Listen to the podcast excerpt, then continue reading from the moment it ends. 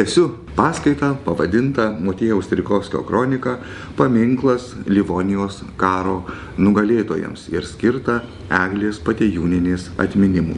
Atvykęs į Slutską, Strikovskis atsidėjo išimtinai Lietuvos istorijai. Minėtos dorybės šauklio giesmės skirtos lietuvių praeičiai pagrindu jis 1576-78 sukūrė naują lietuviškų patriotizmu alsuojantį kūrinį, minėtą epinę istoriografinę poemą apie lietuvių, žemaičių ir rusėnų šlovingos tautos pradžią, giminių kilmę, galybę ir didvyriškus darbus kovų laukuose ir namie. Meninį šio kūrinio pasaulį sudaro Lietuvos istorija nuo legendinių protėvių iki iškiliausių didikų ir bajorų, kūrusių, puoselėjusių ir gynusių tautą ir valstybę rūmų menėse ir mūšių laukuose. Lietuvos istorija šioje poemoje yra suosmeninta, personalizuota. Tam pasitelkta visa prieinama istoriografinė medžiaga, pradedant padavimais ir legendomis ir baigiant dokumentais, analais ir kronikomis. Pasižymėdamas nemažų poetinių talentų, Strikovskis sukūrė itin įtaigų, paveikų ir menišką pasakojimą. Jį pailustruosiu vienos ištraukos vertimu. Štai kaip apie Hotkevičių giminės pradininką Bareiką Kunigaikštį Gediminą ir totorius joje papasakojo poetas. Kai Gediminas Vilniui po kovų ilsėjos su savo riteriais linksmybėms atsidėjo, pasiuntinys nuo užvalgio valdovo atkeliavo ir duoklės nurusios iš jo pareikalavo. Totorių garbiai prie savęs jis laikė, didesnį nei patsai kiklopas tokį vaikį. Už stalo drėbė Gediminui išdidžiai žygūnas, Rask savo žemėje kitą tokio tvirto kūno, jei rasi pas save bent vieną tokį, tu mano ponui rusų duoklės nebemoki, jei mūsų didvyris įveiks taviškį, mokėsi duoklę, kaip anksčiau arba nelaisvin vyksi. Tuo gedimina su taryba leidosi ieškoti, kaip rusų žemę ir iš duoklės ir bjaurios nelaisvės išvaduoti, Vieni ginklu atmušti priešo ginklą kvietė, kitų pasvarstymai tik tai apie duelį spietės. Paskelbti Gediminas liepė, reikia vyro tokio, kuris mielai su priešu į duelį stotų, žadėdamas daug dovanų, valdų didžiausių, su teisę ainiams, teksančią į jas tvirčiausią, jei kas į pragarą pasiūs išpuikusi gigantą, nusuks duelį jam išdidų sprandą ir Lietuvai ir savo pelnys didžiulę šlovę, o Rusija išvaduos iš duoklės ir vergovės. Kvietimą kunigaikščio prakilnaus išgirdęs, ne vienas skubinos tenai iš savo pirkios, kai kas parodyti, jog pasirengęs kovai, kai kas išvysti, kaip kam tam duelį klojas, tad kiek jaunuolių riterių ten buvo, tiek jų pelnyti šlovę, troško už narsumą. Iš Žemaitijos 30 bajorų ten atvyko, nes kiekvienam pasižymėti prieš valdovą tiko. Savo vietos pilyje po aukštų bokštų rasti bandė, kur žinios ir gandai apie duelį tik ir sklandė. Išgirdę jas kilmingiai žemaičiai tarės, nejau įveiks totoriai mus dėl šito vaikio galios, nejau šiuose žaidynėse neišmėginsim savo laimės, kai patys turim tiek jėgų, nie maž nejaučiam baimės. Šios kalbos astika valdovo maršalą pasiekė o jis netrukdamas jas perdavė valdovui tiesiai. Šis juos pasikvietė, pasveikino visus atėjus ir jų apie stiprumą linksmas klausinėjo, žadėdamas daug dovanų tam, kas iš jų išdrįstų į kovą su totorium stoti ir galvop nuristi. Mielai visi jam pažadėjo į duelį stoti tie dovanų, anie dorybės pavilioti. Tuoj pasirodė jiems totorių išdida gigantas, velnioniškai plačiais pečiais ir kuo storiausių sprandų, galingose jo rankose švitavo kalavijai ir vieną kirtį erdvėje, tuoj kitas kirtis vyjos. Jis pašaukė artin, ką nors prieiti, bet ne vienas to padaryti neišdryso, o tik ramstė sienas. Tada garsiau pradėjo šaukti išdida galiūnas, jam akis kaktoje žibėjo, lyg tikriausiam liūtui, o dantis po pravertas lūpas lyg laukiniam šernui, iš snukio iltis lindo, iš burnos tam bernui, plati dviejų gal sprindžių šlikė didino jo grožį, o iš retų žilų plaukų jis priminė tikriausią ožį. Tas torapirštis liūto letenas turėjo, o nedelnus, ir dar šnopavo, nosim šnirpštė lik pagautas velnės. Baisingom furijom grasino antakiai, draugien suaugę, tvirti pečiai jo pūpsantis lik kokios kaugės. Turėjo asilo ausis ir nosį, tarsi raganosio ragą, ir liemenį penkių veikuolėčių atkragų Tik štai jėgų nestingantis žemaičių bajoraitis vienas su juo jėgas nusprendė išbandytą dieną, prie jo keli, kiti vaikinai prisidėjo, o Gediminui tuoj puikiai mintis atėjo, kad išbandytų vyrus paliepė atvesti jaučių porą, tegul parodo savo drąsą tas, kas turi noro. Tuoj vienas jaučiui smogė taip, kad kaulai subraškėjo, o kitas vieną ragą jam nušniojo su kumščiu lyg vėjų.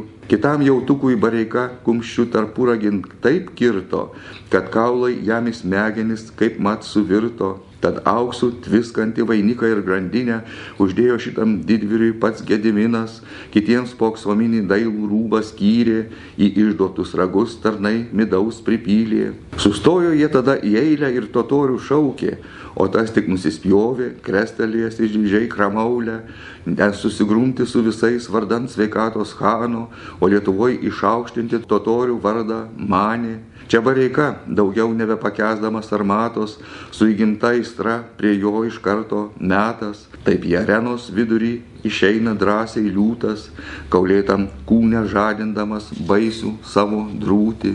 Susikabino su totorium, įsispyrė kojom vyras ir ištiesė pečius į viršų, baimės nepatyręs. Tada gausingais smūgiais vienas kitą talžyt ėmė, sėkmė ir Marsas takart juos vienodai rėmė. Tvirti ir lankstus sanariai bareikai teikė pirmenybę, o priešas jį labiau pranoko milžino aukštybę. Tad užsimojęs milžinas kumščių bareikai drožė, bet tas nuo smūgio staigiai išsisuko atsilošęs, totorius nepataikęs, tuoj išsitiesė kiek ilgas, o bareika kumščių likųjų tvojo jam per pilvą.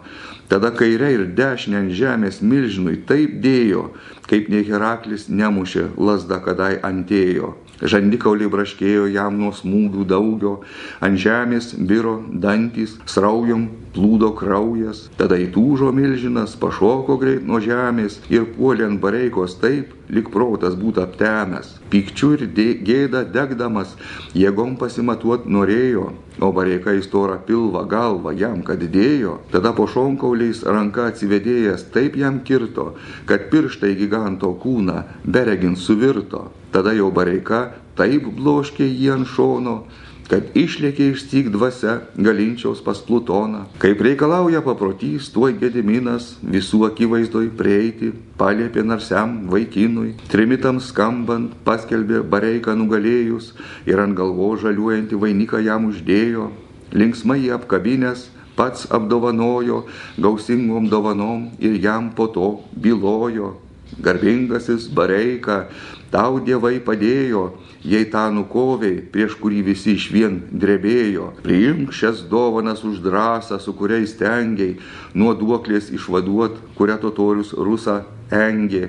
Taip taręs liepė miniai pergalę džiaugsmingai paminėti ir ant tėvynės aukurų dievams gausias aukas sudėti. O pasiuntiniui Gediminas tarė, man priklauso tokia šalis Žemaityje, kurioj drąsuolių gimsta gausiai. Pranešk tai savo Hanui ir tegul jis vietoj gūžį, jei nori permainingos laimės nepatirti mūšį.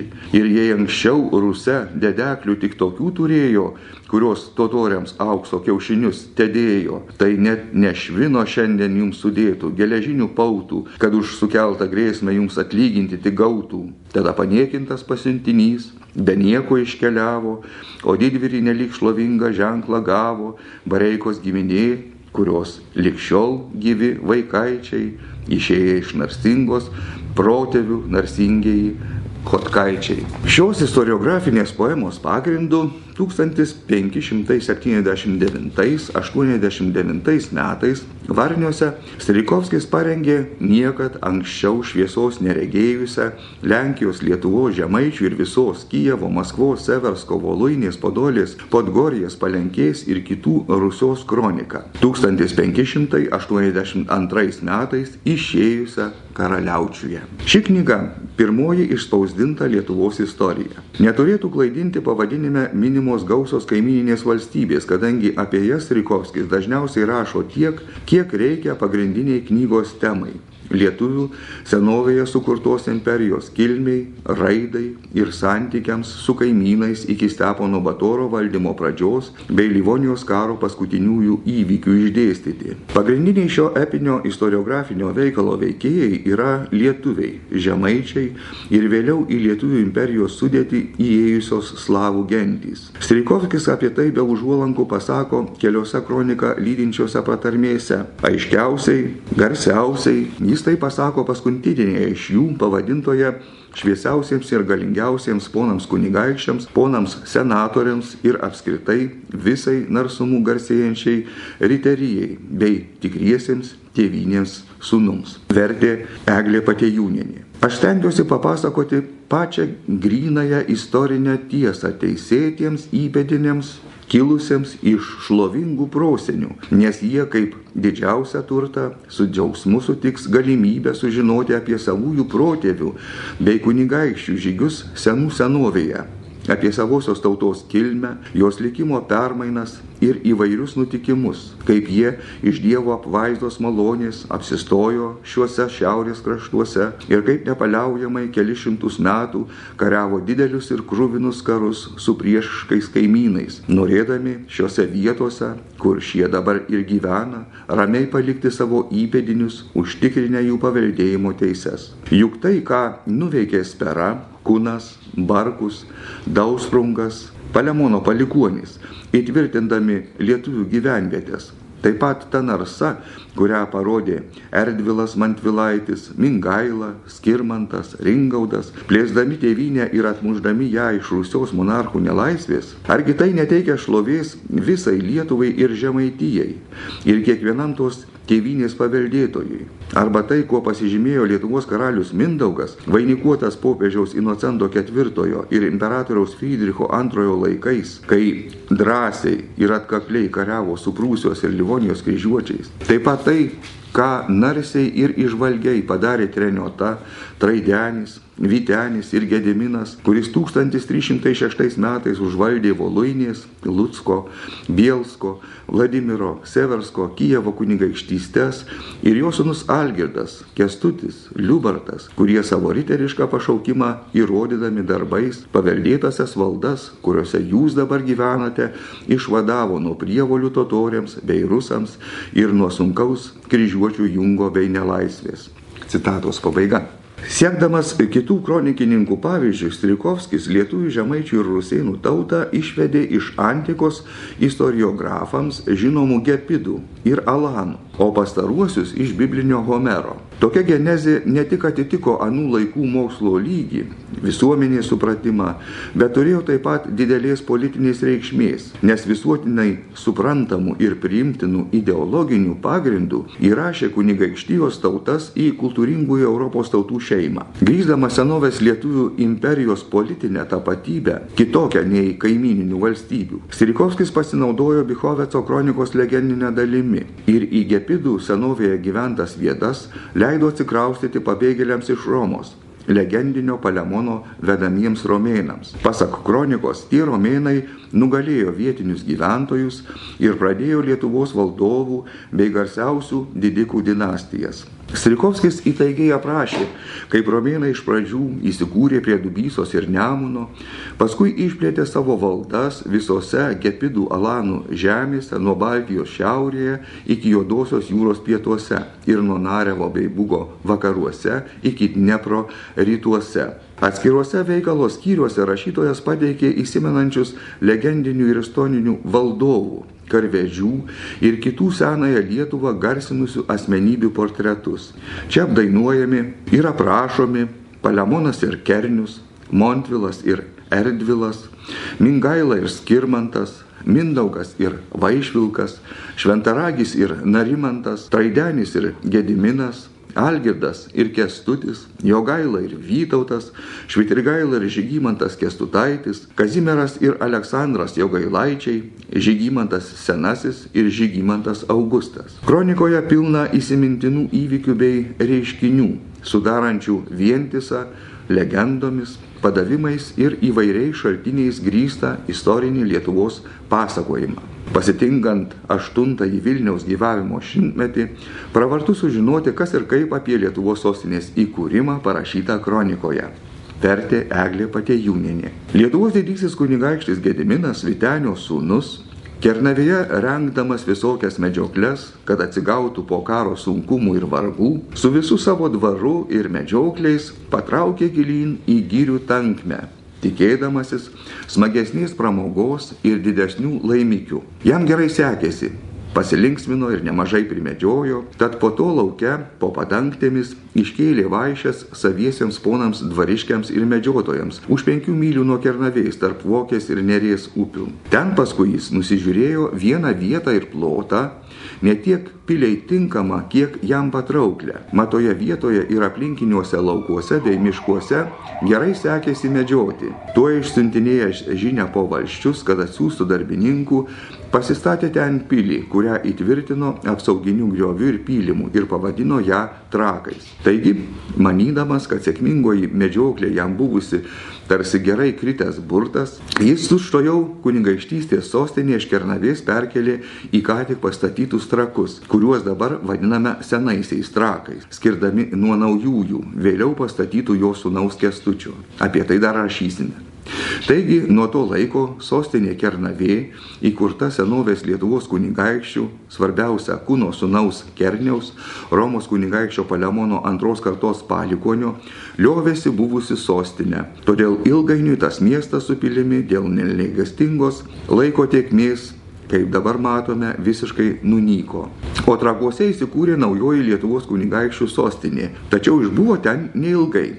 Netrukus po to Gediminas išjojęs į medžioklę kaip paprastai įrenginėjo pasalas Neries upės pakrantėse, kurios tais laikais tirštai apaugusios miškais ir didžiulėmis gyriomis, tankiomis ir išvešėjusiomis, buvo ištisinis įvairių žvėrių, tiek didelių, tiek mažų prieglopstis bei ištvynas. Taigi Gediminas savo medžiodamas ir keliaudamas nuo pasalos prie pasalos su visa savo dvaro palyda bei savaisiais medžiokliais prijojo šventintą savo protėvio ugnevietės, ten, kur į nerį įteka Vilnelės upė, už keturių mylių nuo senųjų trakų. Tas ugnevietės tai yra plota, kuriame buvo deginami Lietuvos kunigaikščių ir svarbiausių ponų kūnai, toje vietoje įsteigė šventaragis. Ten ir lietuvių žiniai pagoniškų papročių saviesiems dievams atnašavo aukas už mirusių kunigaikščių sielas, nes lietuviai tvirtai tikėjo sielų nemirtingumu, paskutinio teismo diena bei prisikėlimu iš numirusiųjų.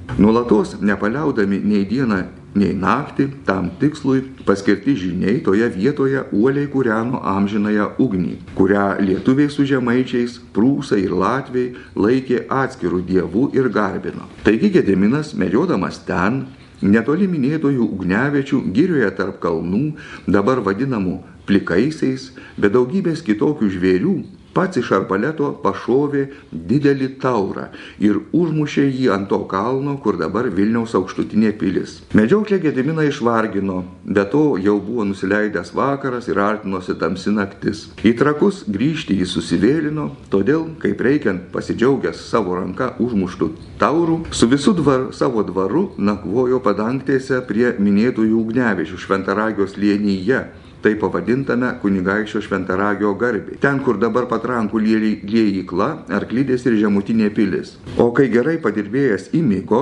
kaip tai būna, kietų miegu, jam prisisapnavo, kad ant to kalno, toje pat vietoje, kur užmušė taurą ir kur dabar stovi Vilnius su savo pilimis, mato didžiulį ir galingą vilką, tarytum šarvuotą geležies lakštais, apsaugančiais nuo bet kokių šūvių, o tame vilke girdėjo šimtą vilkų garsiausiai staugiant ir jų balsas sklido į visas puses. Atsibudo tada Gediminas, bet tas vilkas nejo jam iš galvos ir jis ilgai kamavosi, norėdamas įminti, ką tai galėtų reikšti.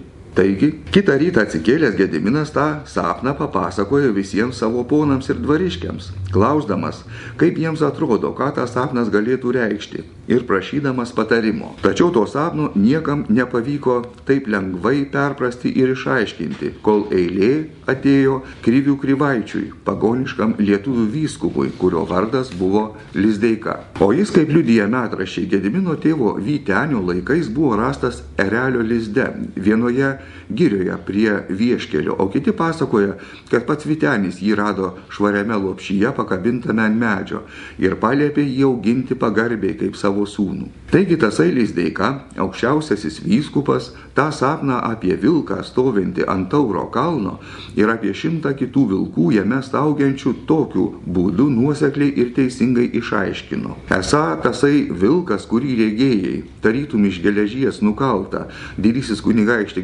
Gediminai, reiškia, kad toje vietoje, kur dabar yra šventintos tavo protėvių ugnevietės, bus galinga pilis ir svarbiausia šios valstybės miestas. O tame vilke garsiai staugianti šimtas vilkų, kurių balsas sklinda į visas puses, reiškia tai, kad toji pilis ir tas miestas dėl savo gyventojų kilnumo ir narsos, taip pat dėl tavo palikonių Lietuvos didžiųjų kunigaikščių, kurių sostinė čia bus, didingų žygių išgarsės po visas pasaulio šalis ir plačiai paplis jo šlovė, o tavo palikonys greitai iš šios sostinės su didžia šlove viešpataus svetimoms tautoms. Gediminas pagyręs Lizdeiką už tokį išmintingą, teisingą ir dalykišką sapno išaiškinimą ir prie ugnevečių atlikęs aukojimus saviesiems dievams, netidėliodamas išsiuntinėjo žinę po aplinkinius valščius, kad atsiųstų darbininkų, taip pat pasikvietęs įvairių amatininkų, dailydžių, mūrininkų, kalvių, žemkasių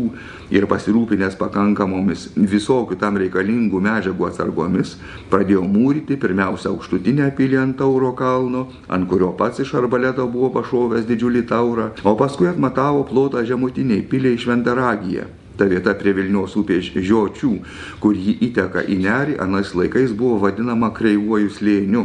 Ten Gediminas labai sparčiai, tačiau su dar didesnė atida, iš medžio pastatydino prašmatnę žemutinę pilį su išlakiais bokštais ir dantytomis sienomis. Užbaigęs abi pilis, pavadino jas Vilniumi pagal Vilnios upę. Greitai prie pilių palei Vilnę ir Nerį įsikūrė ir miestas, nes Gediminas tais pačiais metais iš Trakų perkelė į Vilnių savo sostinę ir ten ją įtvirtino amžiams.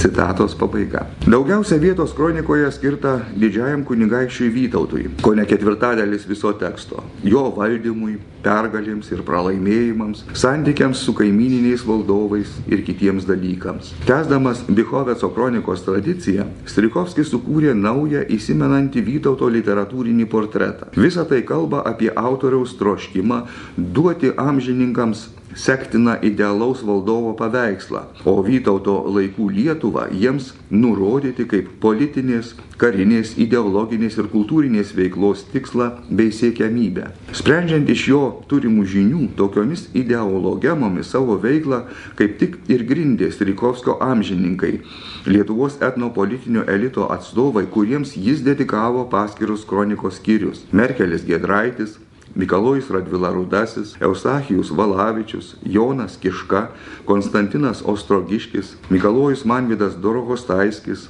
Kristupas Radvila Perkūnas, Jonas Glebavičius, Povilas Pacas, Jurgis Zenavičius, Mikalojus Kristupas Radvila Našlaitėlis, Leonas Sapiega ir daugelis kitų. Ne vieną iš jų Strikovskis paminėjo paskutinėse kronikos knygose skirtose Livonijos karo eigai. Šie vyrai nepaprasta drąsa karo sėkme ir pergalėmis Europoje garsino Lietuvos ir lietuvių vardą. Strikovskis lygia greta dėkojo jiems už paskatą kurti ir paramą realizuoti kūrybinius sumanimus. Kalbėdamas apie save, Keliose kronikos pratarmėse rašytojas nurodė gyvenime jungęs tarnystę mūzoms ir Marsui. Kronikos dedikatai tą irgi darė. Brėždamas tokią paralelę, Sirikovskis kroniką garsino ne tik Livonijos karo nugalėtojų, kultūros, meno ir mokslo puoselėtojų, bet ir savo rašytojo ir kario vardą. Šį savo pasakojimą skiriu šviesiam talentingos vertėjos, gabios pedagogės ir išvalgios literatūros istorikės Eglės Patėjūninės atminimui. Per trumpą netikėtai nutrūkusi savo gyvenimą, ji kaip retas, kuris spėjo atlikti itin svarbių darbų. Prie tokių priklauso monumentalus tyrimas pavadintas Brevitas Ornata - mažosios literatūros formos 16-17 amžių Lietuvos didžiosios kunigaikštystės spaudiniuose. Taip pat keli vertimai - Andriaus Rimšos poema Dešimtmetis pasakojimas, Lukašo Gurnickio apybraiža Lenkų dvariškis, Kazimiero Jono Vaišnuravičiaus dienoraštis kelionė po Europą su jaunuoju kunigaikščiu Ostrogiškiu ir Pranciškaus Malkoto giesmių knyga karų su turkais ir Livonijoje balsas apie šlovingo atminimo Joną Karolį Hotkevičių. Jos bičiuliai, bendradarbiai ir studentai iki šiol mena gyvą, aštrę jos mintį, taiklų žodį, meilę gerai knygai ir kino filmui, itin platų kultūros pomėgių bei interesų lauką, suprandinusi ne vieną gražią iniciatyvą, sumanimą ir darbą. Esu vienas iš nedaugelio žmonių, kuriems teko laimė į rankas paimti paskutinį jos darbą - Strikovskio kronikos vertimą. Mažai kas būtų išdrysęs imtis šio monumentalaus kūrinio vertimo ir gebėjęs jį tiksliai suprantamai ir grakščiai perteikti lietuvių kalba. Eglė atliko šį darbą nuostabiai. Parengta spaudai dar 2014 metais, pirma kronikos dalis taip ir neišvydo dienos šviesos. Vėliuosi, kad šis mano priminimas ir šviesus eglės atminimas, kurį širdise tebe puoselėja jos bičiuliai ir bendradarbiai, padės jos vertimui galiausiai pasiekti savo skaitytojus.